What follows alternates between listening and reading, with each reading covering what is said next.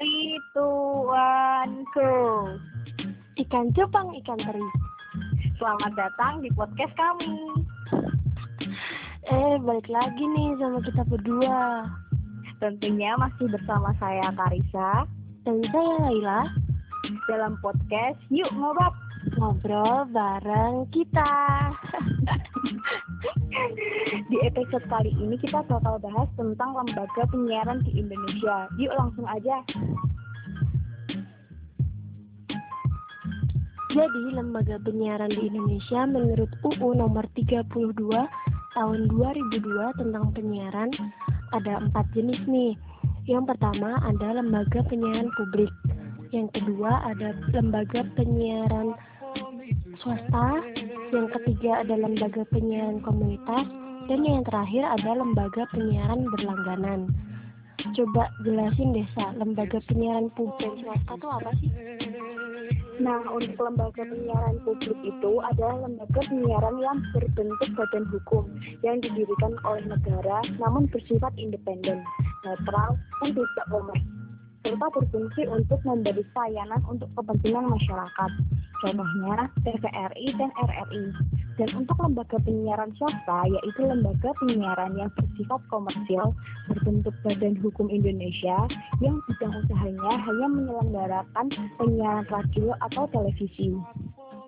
Aku juga mau, mau jelasin nih tentang lembaga penyiaran komunitas.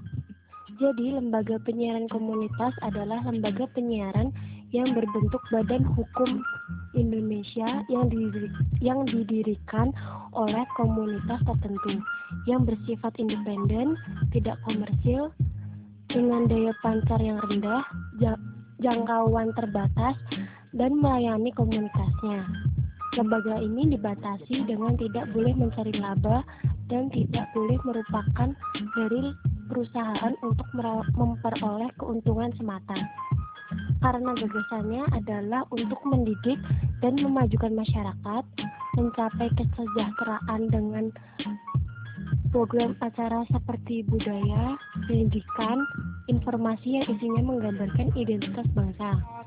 Lembaga penyiaran dapat mendapatkan sumber pembiayaan dari sumbangan, sponsor, dan lainnya yang tidak mengikat. Lembaga penyiaran komunitas dapat menyiarkan iklan layanan masyarakat bukan iklan komersil.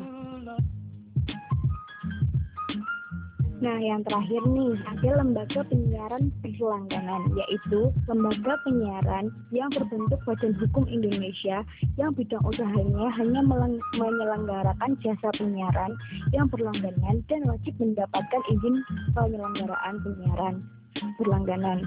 Secara teknologi yang digunakan, lembaga penyiaran, lembaga dapat dibagi lagi menjadi tiga, yaitu berlangganan melalui satelit, melalui kabel, dan terestrial. Nah, segitu dulu ya penjelasan dari kita. Semoga bermanfaat ya. Bye-bye. Bye.